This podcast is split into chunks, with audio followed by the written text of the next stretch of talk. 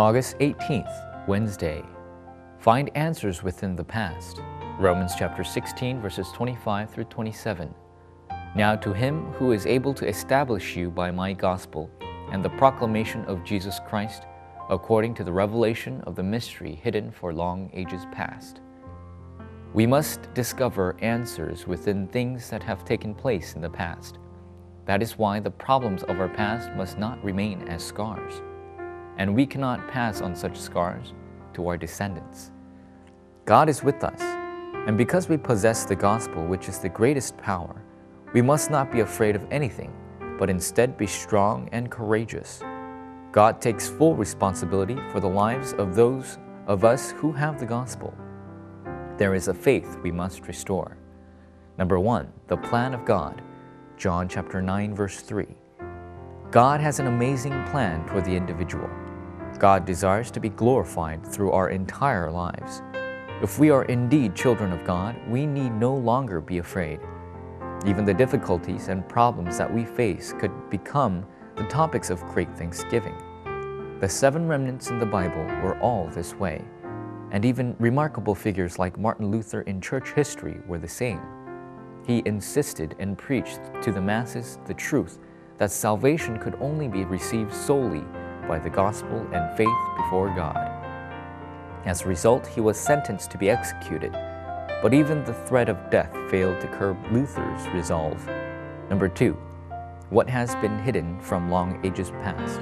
Romans chapter 16, verse 25. What is the plan that God has hidden for us from long ages past? No matter how much man struggles, we cannot prevent the chaos, emptiness, and darkness. It is only possible through Jesus Christ, who came as the light. The covenant that the offspring of the woman would strike the serpent's head, Genesis 3:15. The covenant of the blood sacrifice, Exodus 3:18. The covenant of the virgin birth, Isaiah 7:14, and the covenant that Jesus is the Christ, Matthew 16:16, is what has been hidden from long ages past and is also the greatest covenant of blessings that has been given to us.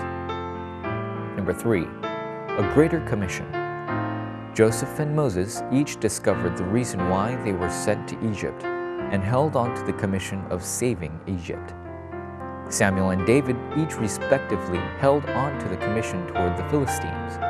Elisha saw a greater commission regarding the nation of Aram. Isaiah held on to Babylon, and Paul and Timothy held on to their commission as they looked on to Rome. God has already prepared everything perfectly for us. When we discover this truth, the lives we have led in the past can change into the ultimate platform for blessings. Every time we do so, the lost finances can be restored, and the descendants will live.